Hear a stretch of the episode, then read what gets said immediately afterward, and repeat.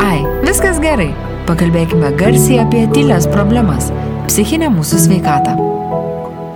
Sveiki, e, šį rytą pradėsim nuo klausimo, o ką šiandien sapnavot? O gal kaip tik e, bandot prisiminti, kiti pasakoja, ką, ką sapnavo, jūs bandot prisiminti ir niekaip neišeina. Tai šiandieną mes pakalbėsim apie sapnus, ką jie, ką jie apie mus kalba, ir kuo jie svarbus iš psichoterapijos pusės. Ir su mumis vėl yra Brigita Karetskaitė. Labas rytas. Labas rytas. Dar kaip tik ir pagalvojau, taip įdomiai laiką pasirinkom, būtent Aha. ryte, būtent taip. apie sapnus, tai labas rytas. labas rytas, ką sapnavai. Nepamenu, ką sapnavau šiandien. Aš irgi nepamenu. Tai gal Brigita, kodėl tie sapnai įdomus būtent iš psichoterapijos pusės, nes aišku, mes, kai sapnuojam, tai bent jau, nežinau, iš mano patirties, kad yra ta tokia tendencija, o ką tai reiškia ir kas čia atsitiks ateityje, jeigu sapnavai kažką, tai vadinasi kažkas tai bus. Tai daugiau ne iš tos spėlionės tikriausiai, bet iš tos psichoterapijos, ką jie apie mus pasako, dėl jie apskritai įdomus psichoterapijoje. Jo, psichoterapijoje mes sapnus analizuojam visada, jie tikrai yra labai įdomus ir duoda labai daug informacijos apie mus. Ir vėlgi taip įdomu, kad e, tie žmonės, kurie tiki sapnais, tie žmonės, kurie domisi sapnais, tai jie netgi ir sapnuoja daugiau, o tie, kurie nekreipia dėmesio į sapnus, tie ir sapnuoja mažiau. Ir teko kažkada skaityti vieną straipsnį, kad yra, sakysim, grupelė žmonių, netgi ir mokslininkų, e, kurie sako, kad sapnai nieko nereiškia, tai yra visiškai nereikalingas dalykas, tai yra paprasčiausiai psichika susitvarko, susibalansuoja, viskas kitą dieną atsikeliam ir toliau savo gyvenam bet yra nemaža žmonių grupė, kuri sako, ne, sapnai kažką reiškia ir ten juos panalizavus galima nemažai ką pamatyti. Tai aš va daugiau atstovauju tą pusę, kur e, sakau, kad taip, sapnai kažką reiškia. Ir aš juokdavausi, kai mes darydom daug seminarų apie sapnus, tai juokdavausi, kad ateina žmonės į tuos seminarus būtent tik tai tie, kurie domisi sapnais, kurie nesidomi, tai jie ir neteina. Žinom. Tai sapnai turbūt ta tema, apie kurią galima būtų kalbėti visą laiką be sustojimo, visiems labai įdomi, visiems labai aktuali. Ir vėlgi priklauso nuo psichoterapijos krypties, kaip į tuos sapnus yra žiūrima. Tai aš daugiau atstovauju tai psichoterapijos krypčiai, kur yra sakoma, kad kiekvienas sapnuotojas pats geriausiai žino, ką tas sapnas reiškia. Tik tai su specialisto pagalba galima labiau patyrinėti, pasigilinti, pasižiūrėti ir pačiam rasti atsakymus, kasgi tai yra. Ir mano nuostabai teko daug visokių sesijų pravesti ir grupiniam formate, ir individualiuose sesijose e, darbui su sapnais, tai tikrai, tikrai, kai galima taip giliai panalizuoti ir pasižiūrėti įvairiais metodais, aš paskui ir pristatysiu, papasakosiu, galima ir namie padaryti, Tikrai žmonės žino atsakymus, tikrai jie žino, tik tai va tas toks, kaip aš sakau, reikia padėti praverti ir parodyti, pasižiūrėti. Ir visą laiką jie suranda atsakymą, gal 10-15 minučių ir sėdi, sako, jo, žinau apie ką, tai yra iš mano gyvenimo, tai yra tikrai tas, tas ir tas.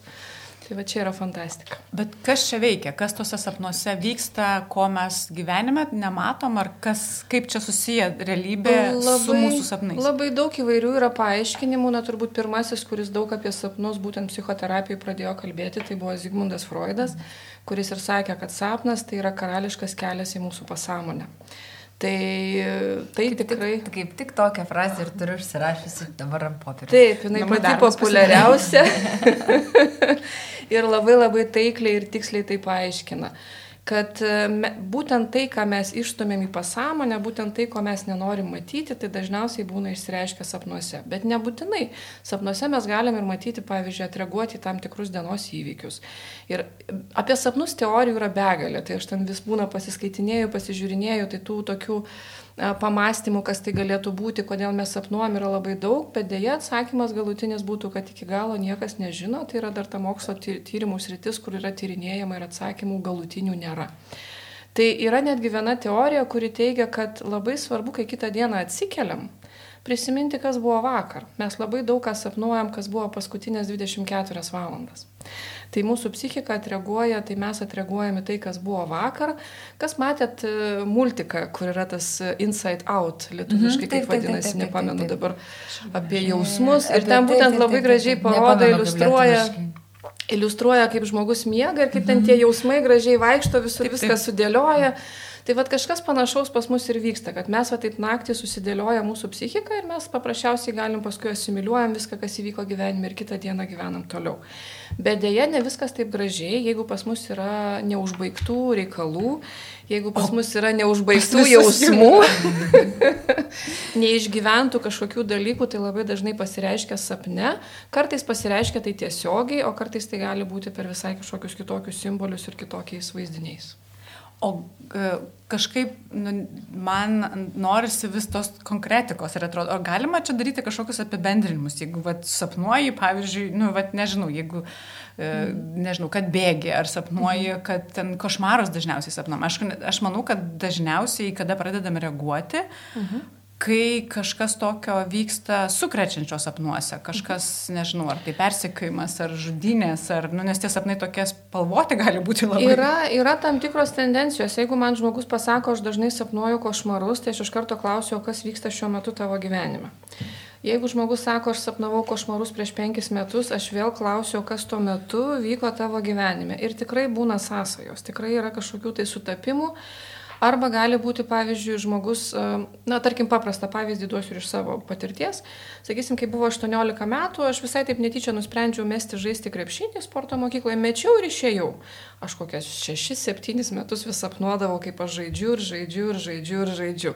Vėliau jau pasimokiusi psichoterapijos supratau, kad tai buvo toks nukirstas, neišgyventas, neuždaryta situacija Ir kai aš tai išgyvenau, kalbėjau, išjaučiau, ką man reiškia atsisveikinti, tada tie sapnai sustojo ir baigėsi.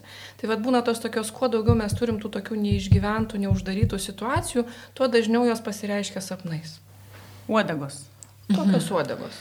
Ok, o tie, pavyzdžiui, yra pasikartojantis sapnai, mhm. tai ką, ką pagal juos mes galime mhm. sakyti, mes, ar, ar mes juos turim stebėti. Mhm. Pasikartojantys sapnai irgi yra labai reikšmingi ir irgi tai yra, sako apie mūsų gyvenimą. Ir dažniausiai, tarkim, gestalto psichoterapeutas Fritzas Perzas sakydavo, kad tai yra kažkokia tai egzistencinė žinutė mums. Tai yra mano paties žinutė man, kad kažkas mano gyvenime yra neišspręsta, nepadaryta, neatlikta Ir, žmonė, ir jeigu žmonėms tie sapnai kartojasi, vadinasi, jie nieko ir nesprendžia. Arba sprendžia, bet ne visiškai iki galo, vengia kažko tai. Tai labai svarbu tą sapną išanalizuoti.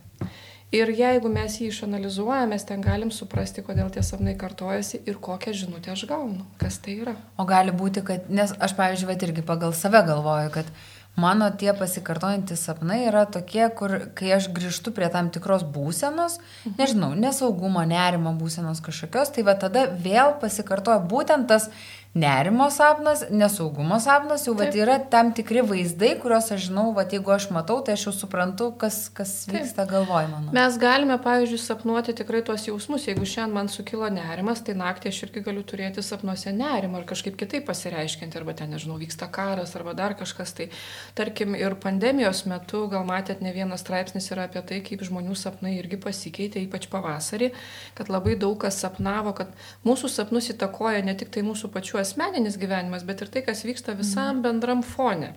Ir aš atsimenu, mes vienam seminarė Italijoje dalyvavom tuo metu, kai Rusija buvo užpuolus Ukrainą ir buvo ten tas va toksai neiškumas. Ir mes seminare sėdėjom gal 30 žmonių iš įvairių, iš įvairiausių Europos šalių.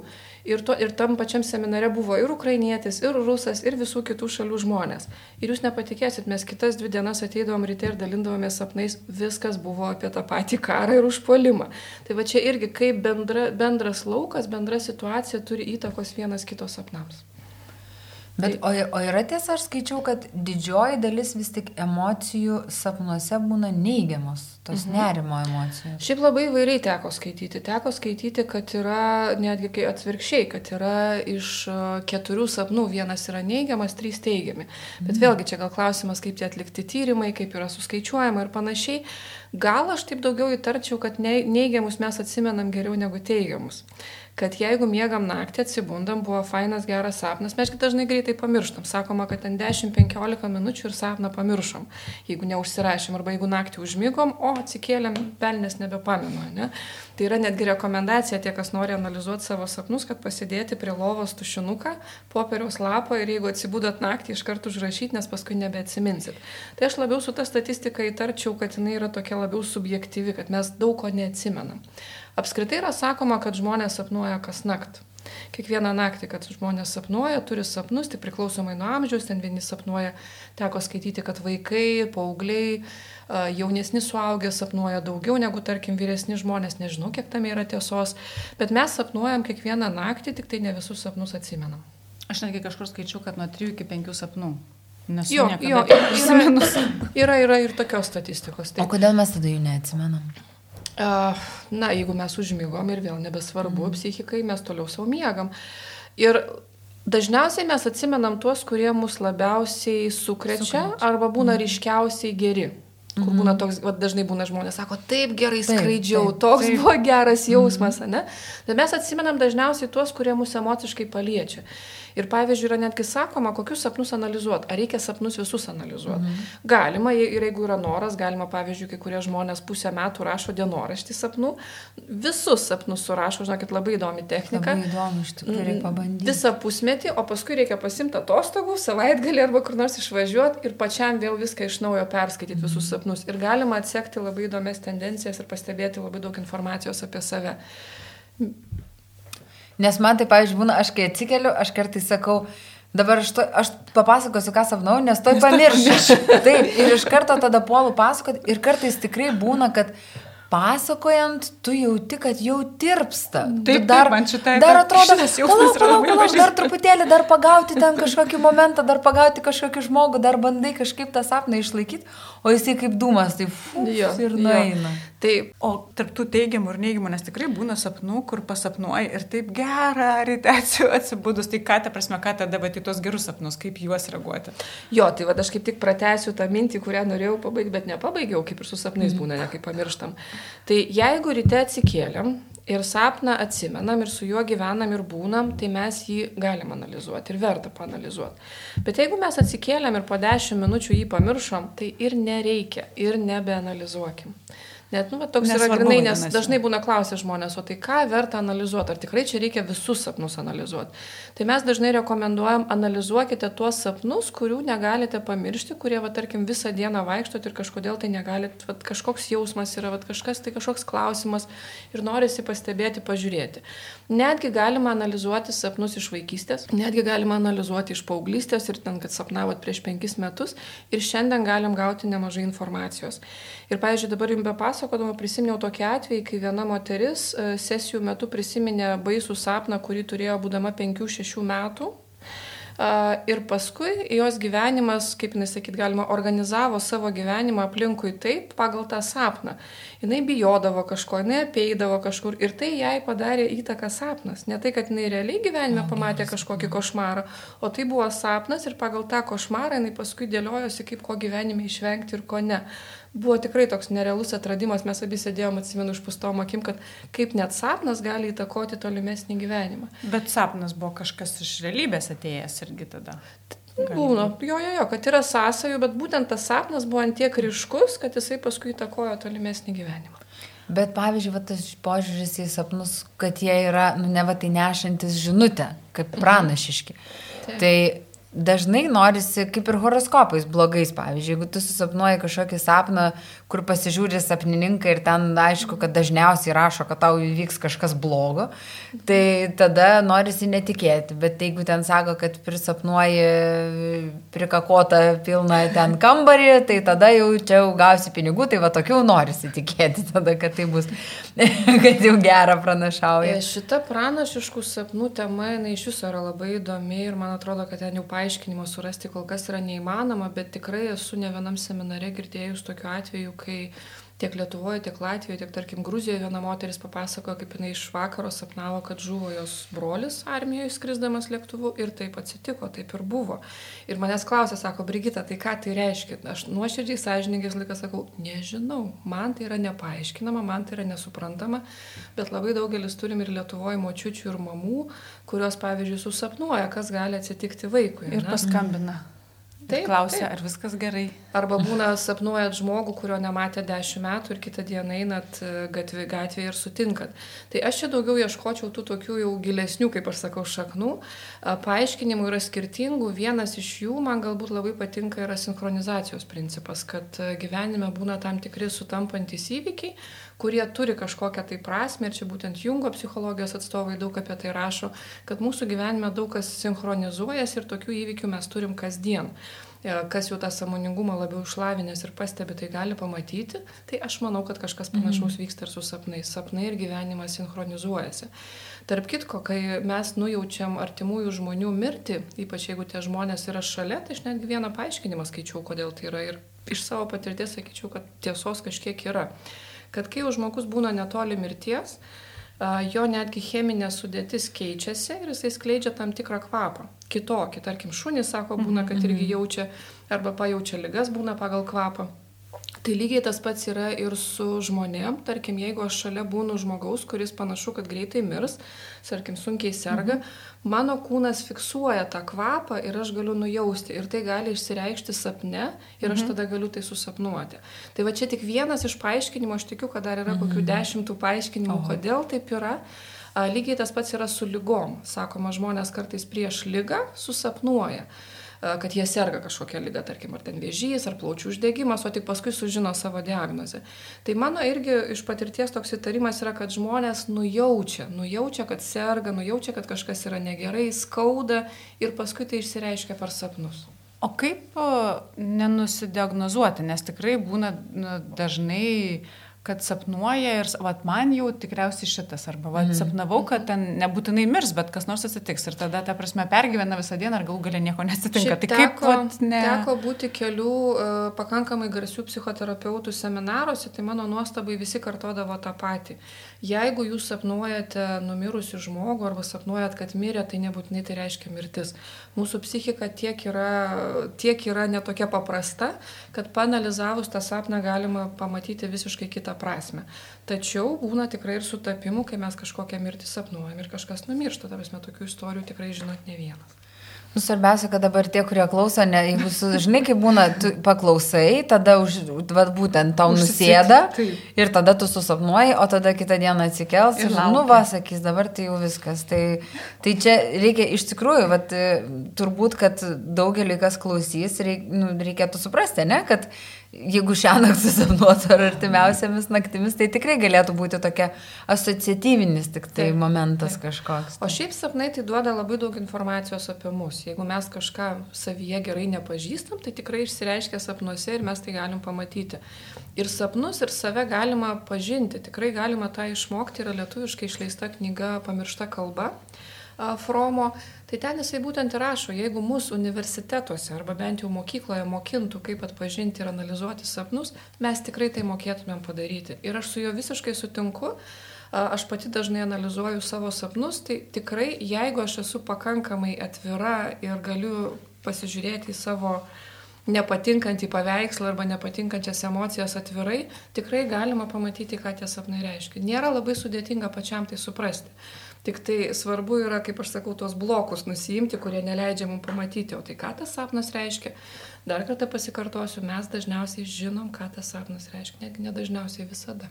Žinom. Bet tas žinojimas, žinojimas, kad jeigu vat sapną susapnavai ir tada galvojau, kad, nu, vat kaip man, aš vis bandau prisikasti, kokie metodai padeda, mhm. nu, teisingai, gal čia blogas žodis, bet kaip nu, vat, nenusigrybauti skaičius, interpretuojant to šiaip, savo. Šiaip vienas fainiausių metodų tai yra, kai atsikeliat ir jeigu tas sapnas jūsų neapleidžia, tai savo draugiai, draugui, vyrui, kam norit, kas žinot, kad jūs išklausys, papasakoti šitą sapną esamuoju laiku. Kai jūs pasakojat garsiai sapną esamuoju laiku, jūs vėl susitapatinat su sapnu, labiau jį vėl išgyvenat Ir netgi pasakojant garsiai jūs galite pastebėti, kurioje vietoje sureagavot. Kažkur tai nusijokėt, kažkur mhm. išraudot, kažkur uh, ašaros pasirodo. Tai va čia yra labai svarbus momentas ir ten reikia kažko tai ieškoti. Aišku, su specialisto pagalba tai yra paprasčiau, jie yra apmokyti, žino, į ką atkreipti dėmesį.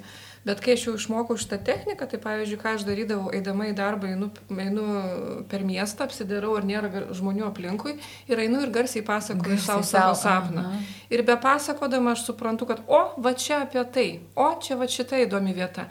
Bet viena iš sąlygų yra pasakoti garsiai ir pasakoti esamuoju laiku. Mhm. Nes kai mes pasakojam esamuoju laiku, mes vėl grįžtam į sapną, mes susitapatinam su sapnu ir mes tarytum jį vėl išgyvenam kaip čia ir dabar. Ir tada galima daug geriau suprasti, apie ką tas sapnas.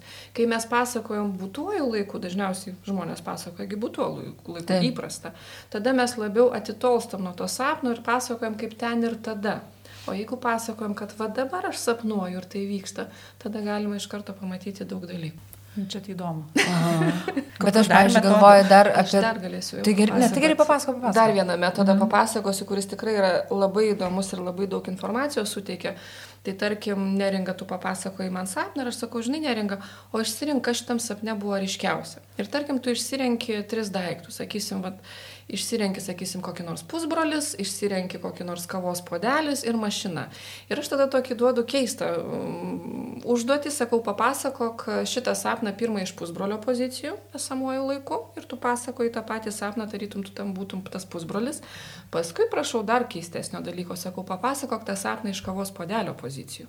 Sakai, aš kavos podelis, aš čia sėdžiu savo netoli neringos ir panašiai ir taip toliau.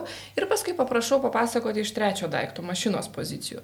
Ir kas įdomu, kad iš tų trijų pozicijų klausant tavęs galima pamatyti intonaciją, galima pamatyti temas, galima pamatyti niuansus. Ir kiek vedžiau seminarų, kai žmonės daro tokią vat, kūrybišką užduotį, sustoja ir sako, oh, tai čiagi apie tai. Geras, ir tada suranda savo temą. Taip įdomu, tikrai, va šita technika, tai jinai tokia yra galinga ir labai faina. Bet čia tam sapnų skaitimui tada reikia kito žmogaus, kaip veidrodžio tada irgi, ar čia kaip ir pačiam perpasakojant. Apskritai, apskritai geriausiai, geriausiai, jeigu mes e, norim suprasti ir pažinti savo sapną, geriau, kai yra klausytojas, kai yra kitas žmogus, žiūrėkit, netgi iš senovės. Uh, kai žmonės sapnuodavo kažką, jie dalindavosi savo sapnais. Netgi ir psichoterapijoje yra viena taisyklė, kad pavyzdžiui, jeigu susapnavo sapną arba aš, arba žmogus kitas, jį papasakoju kitam žmogui ir nieko daugiau neryti, daryti nereikia. Užtenka tik papasakoti. Tai, kad aš jau pasakoju tau, tu išklausai mano sapną, man jau yra tas gydomasis, kaip sakome, efektas, aš jau kažką tai suprantu apie tą sapną. Kartais nieko daryti nereikia, užtenka tik papasakot.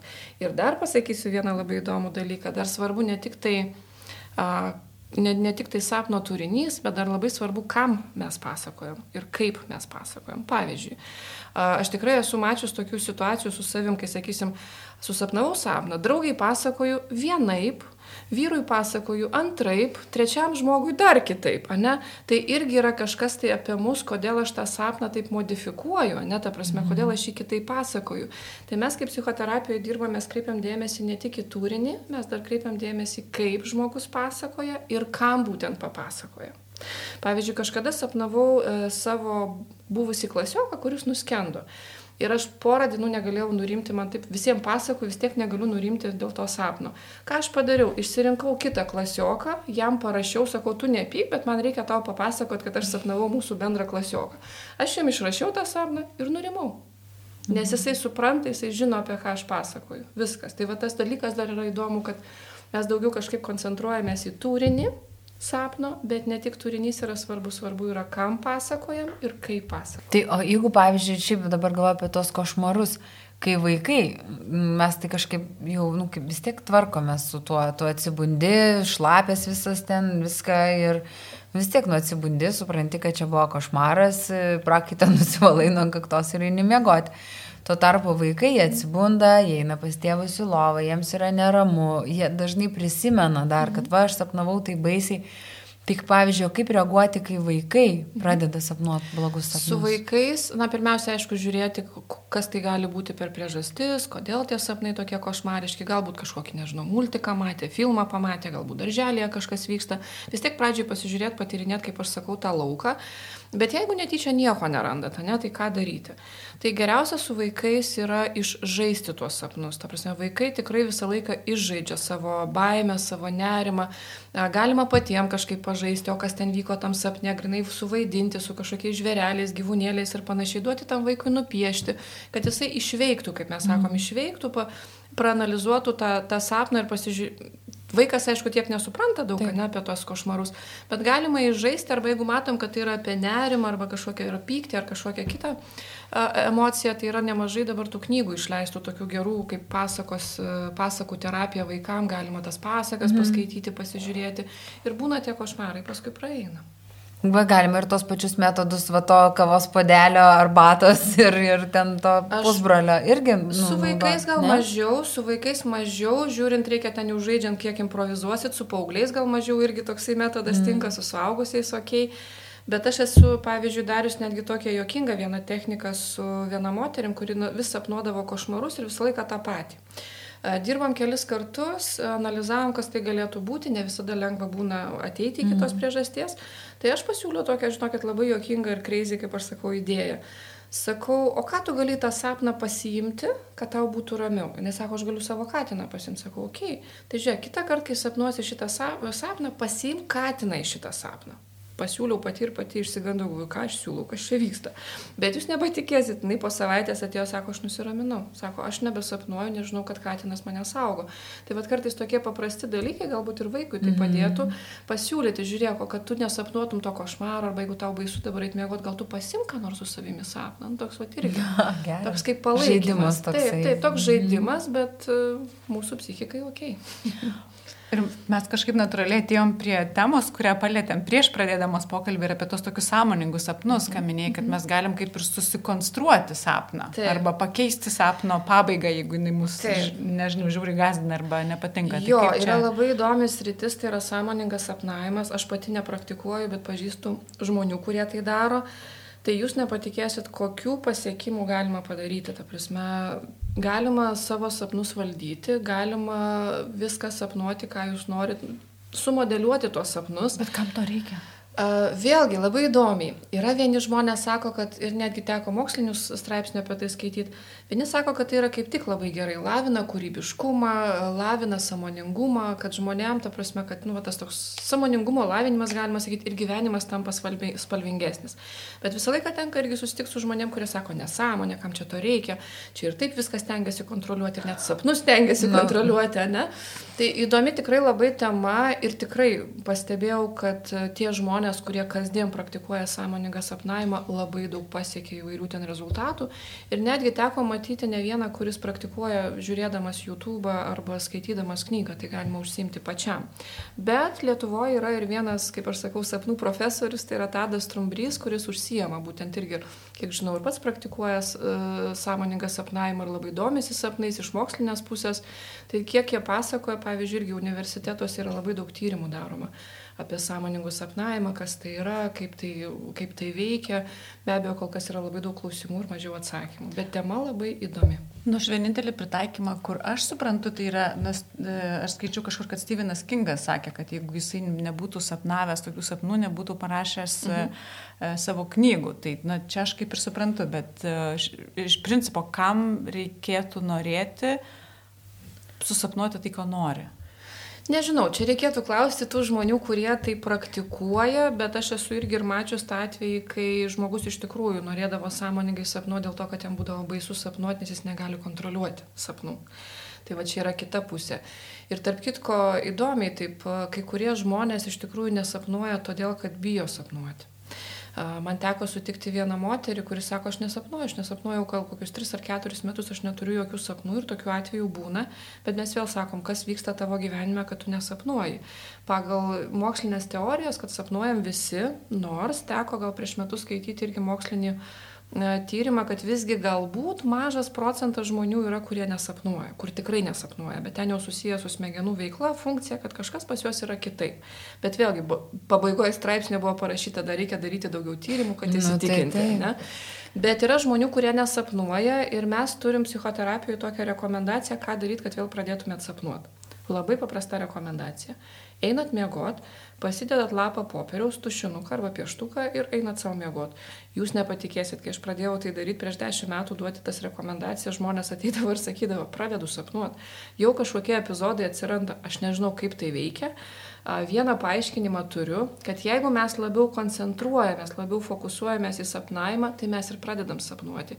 Jeigu mes vengiam sapnavimo, tai mes ir tada mažiau to sapnuojam. Tai vat, mano būtų gal daugiau paaiškinimas toksai. Aš pavyzdžiui žinau, kad jeigu aš norėčiau susapnuoti kažką labai sudėtingo, man tiesiog reikėtų sunkiai virškinamo maisto pavalgyti prieš miegą. Nu tikrai tai būna, kai prisivalgęs, pavyzdžiui, tikrai, ten, taip. nežinau, grybų vakarieniai pavalgai ir eini miegoti, tai labai dažnai būna, kad sapnai taip. kankina. Arba kai troškina, tai tada žmonės sapnuoja ten vandenyną, jūrą. Ir geri, geri, ir niekaip negali atsigerti. Tarp tas toks. Kitko, mokslininkai irgi daro tos tyrimus, kai žmonės sapnuoja, pavyzdžiui, su plunksna kutena, net irgi sapne kažkas pasireiškia. Kai mes miegam ir mus kažkaip tai fiziškai kas nors stimuliuoja, mes tuos visus dalykus irgi sapnuojam ir sapne. Ta prasme, tai susisieja. Pavyzdžiui, gal turi tikrai ne vienas tokį pavyzdį, kai žadintuvas skamba ir jisai kažkaip įsikorporuoja į jūsų sapną. Taip. tai o kaip rimtai va su tuo maistu, ką, ką Eglė minėjo, su sunkiai virškinamu arba kitiems sako, va ten, jeigu saldaus ką nors užvalgo, tai saldžiai kažką. Ar čia yra, čia sutapimas grinai, ar čia... Gali būti ir sutapimas, gali ir turėti įtakos, jeigu paimti tą teoriją, kur mes sakėm, kad viskas mūsų sapne vyksta, ką mes turėjom šiandien, tai jeigu aš valgiau piragą tortą, kuris man patiko, tai aš jį galiu ir toliau, aišku, sapnuoti, ne? Bet kad persivalgymas arba, sakysim, troškulys, arba lyga, arba kažkokie geriami vaistai gali turėti įtakos, tai irgi yra tiesa. Tai po košmaro prieš miegą Napoleono gabaliuką tada su. Šiaip rekomenduojama, kad einant miegoti, na, tos pačios rekomendacijos tinka ir sapnavimui. Jeigu norit mažiau košmarų, tai prieš 2-3 valandas nevalgyti, mhm. pasivaikščiot, pailsėti ir panašiai. Nes kuo mes fiziškai blogiau jaučiamės, aišku, tuo ir mūsų sapnai būna nerimastingi. O pavyzdžiui, va, visi tie sapnavimai, kaip e, sako, pilnatis, nu tai va, tai jau dabar tai dės sapnų. Tai čia yra dėl to, kad, nu, iš tikrųjų, nu, kaip vis tiek pastebi ir, ir aplinkoje, ir visur, kad suaktyvėja tas emocinis laukas kažkaip, kai, kai ta pilnatis būna. Na, aš pati gal... negalėčiau pakomentuoti, kažkaip tų dėsnių nematau, bet man žmonės būna, sako, pavyzdžiui, ligoninėse arba poliklinikose pagausėja žmonių netokiu metu. Vaikai, kažkada su vaikų darželį ir mokyklai dirbus matydavau, kad ka, tam tikrom fazėm kažkaip tokie aktyvesni būdavo. Tai tada ir sapnai turbūt tokie aktyvesni. Gali būti, va šitoje vietoje negalėčiau pakomentuoti, nes kažkokio tokių straipsnių rimtesnių straipsnių apie tai nesuskaičius, tai negaliu pakomentuoti. Bet galbūt, kaip sakau, liaudės išmintis irgi stebėjimai kartais būna irgi teisingi, ne? Tai ir aš dar kažkaip galvoju tada pereiti prie to, kad, vad kaip mes kalbėjom, kad sapnai yra, vat, būna tie sapnai tokie, kuriuos sapnuojant naktį mes pavargę prabundam. Bet kitas dar dalykas, dėl kurio mes pavargę būnam ryte, tai būna, kad mes net negalim sapnuoti, nes mes neužmiegame. Taip. Taip. Tai va, tai čia turbūt dar galima tą nemigą, ne? Paliesti tai nemiga jo, turbūt viena didžiausių problemų ir mm, be abejo, kad aš kaip sakau, kad būtinai reikalinga specialistų pagalba, jeigu tai trunka daugiau negu dvi savaitės ir jeigu tai nuolatos kankina, tai Na, aš kaip juokiuosi sakau, aš dažniausiai nepatiriu nemigos, nesuprantu, ką tai reiškia, bet vieną kartą teko tai patirti, negalėjau užmigti ryte, supratau, ką tai reiškia, nes anksčiau galvojau, nu ir kas, nu nemiegi, nu paskaityk knygą ar dar ką nors paveik. Bet ta būsena kitą dieną, kai žmogus negali e, pilnai, nežinau, gyventi, dirbti ir kažką tai veikti, tikrai yra košmariška. Tai jeigu nėra kažkokių objektyvių priežasčių, ten sakysim, nežinau, numirė kažkas arba skirybos, arba darbė didžiulės problemos, tai vis tiek reikėtų ieškoti ir žiūrėti, kas vyksta, kodėl žmogus negali miegoti. Tai didžiausia, aišku, rekomendacija yra kreiptis į specialistus, į kurie, yra, kurie užsiema, sakysim, tokiom santariškėse yra nemigos sutrikimų netgi gydimo centras, yra miego laboratorijos. Tai labai verta yra pasidaryti tyrimus, kreiptis, pasižiūrėti, nes kartais būna atrandamos kažkokios tai kažkas tai mūsų smegenyse ir tada galima gydyti vaistais ir panašiai. Vėlgi, vaistais e, nemigas gydyti rekomenduojama iš pradžių, kai yra labai sunku, kas, sakysim, mėnesį, du, bet vėliau būtina, ne vėliau, jau netgi tuo pačiu metu rekomenduojama visgi nemigą gydyti kartu taikant kokią nors psichoterapijos kryptį. Kad kai yra ir vaistai, ir psichoterapija, ir paskui tuos vaistus mažinant ir kažkaip tai sprendžiant ar savo vidinius konfliktus, problemas ir panašiai, nes vien vaistai šitos problemos neišsprendžia. Ir teko klausyti ir girdėti vienos medikės paskaitą apie nemigą, tai bet dėja situacija Lietuvoje yra truputį kitokia, žmonės labai daug vartoja vaistų ir mažiau, tarkim, ieško kitų priežasčių, kas irgi yra įmanoma. Netgi paprastą miego higieną reikia žinoti, kartais užtenka laikytis paprastų rekomendacijų, kaip maitintis, kiek ten to alkoholio vartoti, nevartoti ir panašiai, ir tai jau gali sutvarkyti būtent nemigos problemas. Bet ar yra kažkoksai tai, nežinau, terminas arba kažkokios tai ribos, kas jau yra nemiga, o kas, nu, kada Aha, jau... nes tas jau Ar čia ėjimas ne į terapiją. vieną tai kartą čia... naktį, ta prasme, kelis kartus prabundi, bet vėl užmiegi, čia jau nemiga, tu turi ne, ne, tu ne, neturi Visų prabusti. pirma, ar- visų pirma, reikia žiūrėti, kaip jūs jaučiatės kitą dieną, ar jūs jaučiatės pailsėjęs ar ne. Jeigu tai yra kažkoks periodas, nežinau, įtampa darbė, svarbus priduoti projektas ir jūs nemiekat, na tai atrodo kažkokį laikotarpį adekvatu. Bet jeigu ir projektas pasibaigia ir jūs vis tiek nemiega, tai jau tada reikėtų susimastyti. Ir tarkim, netgi tas miego ritmas pa žmonės yra skirtingas. Sakysim, kad yra nustatyta, kad žmogus privalo miegoti 8 valandas, tai nėra būtinai. Jūs gal irgi esate sutikę žmonių, kurie, sakysim, miega, nežinau, 6-5 valandas 10 metų ir jie tikrai yra pailsėję. Bet kitam pabandykit pasiūlyti pamiegoti 6-5 valandas, po mėnesio jisai jausis labai Aš prastai. tokiais žmonėmis. Tai, a, aš tikrai mačiau, kurie... Jie iš tikrųjų tikrai- slapta miega daugiau. Save apgaudinėja, man atrodo. Ne, čia yra daugiau tas individualus biologinis ritmas, tai aš kaip sakau, labai svarbu stebėti savo biologinį ritmą, kiek man reikia miego, kad aš išsimiegočiau. Ir jeigu aš nuolat jaučiuosi pavargęs ir neišsimiegojęs, tai tada jau reikėtų ieškoti pagalbos. Na, aš įsivaizduoju, tas nemiga yra tokia irgi didelė tema, bet kaip yra nemiga ir sapnai, kai nuo sapnų pavargsti ir neįsimiegi. Na, atrodo, kad kaip ir mėgi, bet nu, nelabai išsimiegi. Jo, teko tokį atvejį vieną kitą tik tai sutikti, kai žmonės sapnuoja labai dažnai, kai sapnuoja kiekvieną naktį, sapnuoja be sustojimo ir labai ryškius arba netgi košmariškus sapnus. Vėlgi, jeigu tai yra tik tam tikras periodas, kaip aš sakau, tai tada reikėtų tyrinėti, kas vyksta šiuo metu gyvenime, kad tokie sapnai atsiranda. Galbūt. Bet teko tuos vat kelis atvejus sutikti, kai žmonės sapnuodavo tokius sapnus metus, 2, 3 ir 5. Tai tada vienareikšmiškai yra rekomendacija kreiptis į miego laboratorijas. Septynios, man atrodo, jos net yra dabar Lietuvoje, yra tose pačiuose Sant, Sant, Santarų klinikose. Ir kreiptis ten ir patyrinėti, kas tai gali būti. Tai gali būti netgi kažkas susijęs su smegenų veikla ir būtina pasižiūrėti. Jeigu tai yra psichologinės priežastys, tai tada dažniausiai vis tiek na mėnesių, du ar tris žmogus taip ilgiausiai sapnu, gali tiek laiko košmarų sapnuoti. Tai tada jau dirbama psichoterapiškai. Bet čia labai retas atvejis. O gal dar yra retesni nors metodų, kaip paskaityti tuos savo sapnus ir padėti savo išsiaiškinti, kas ten pas, po jais slypia? Metodų tai yra begalė, aš kažkada buvau suskaičiavus jų apie 30 ar 35, ką galima daryti ir įvairios dar psichoterapijos kryptis labai įvairiai analizuoja. Mm, Vienas iš populiariausių galbūt galima tas laisvųjų asociacijų metodas, tai yra pavyzdžiui, kokios man asociacijos kyla apie šitą sapną, su kuo man jisai susijęs.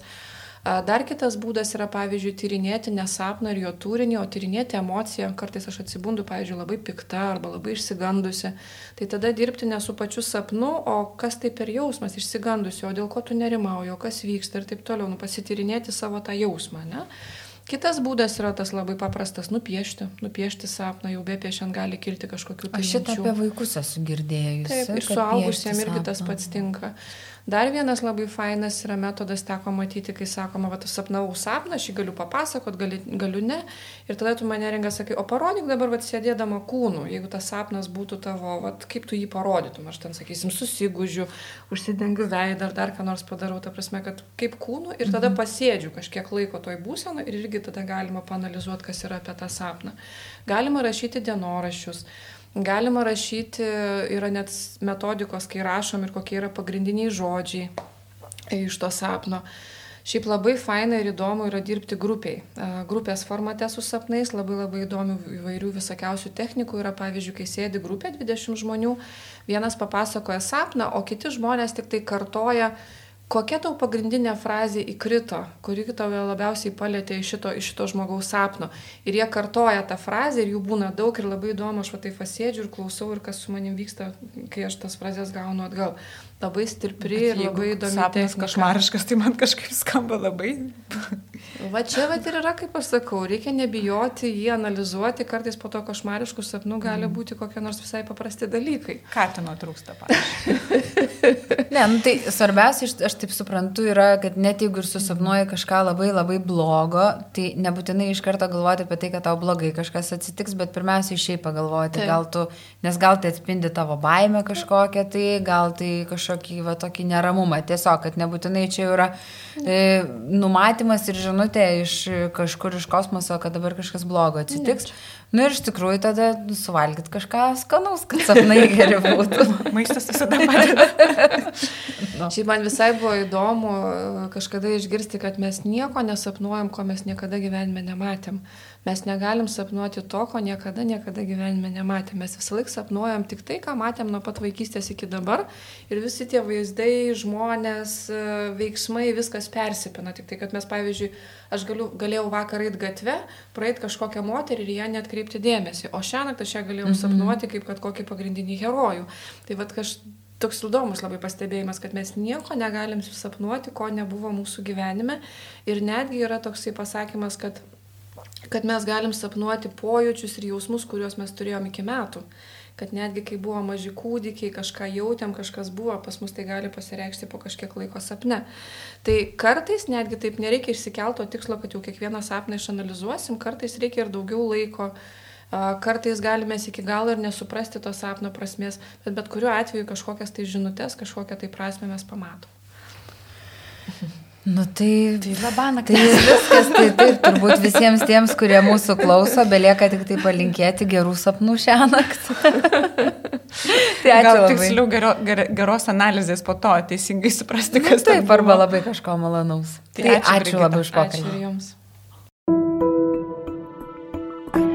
Ai, viskas gerai. Pakalbėkime garsiai apie tylės problemas - psichinę mūsų sveikatą.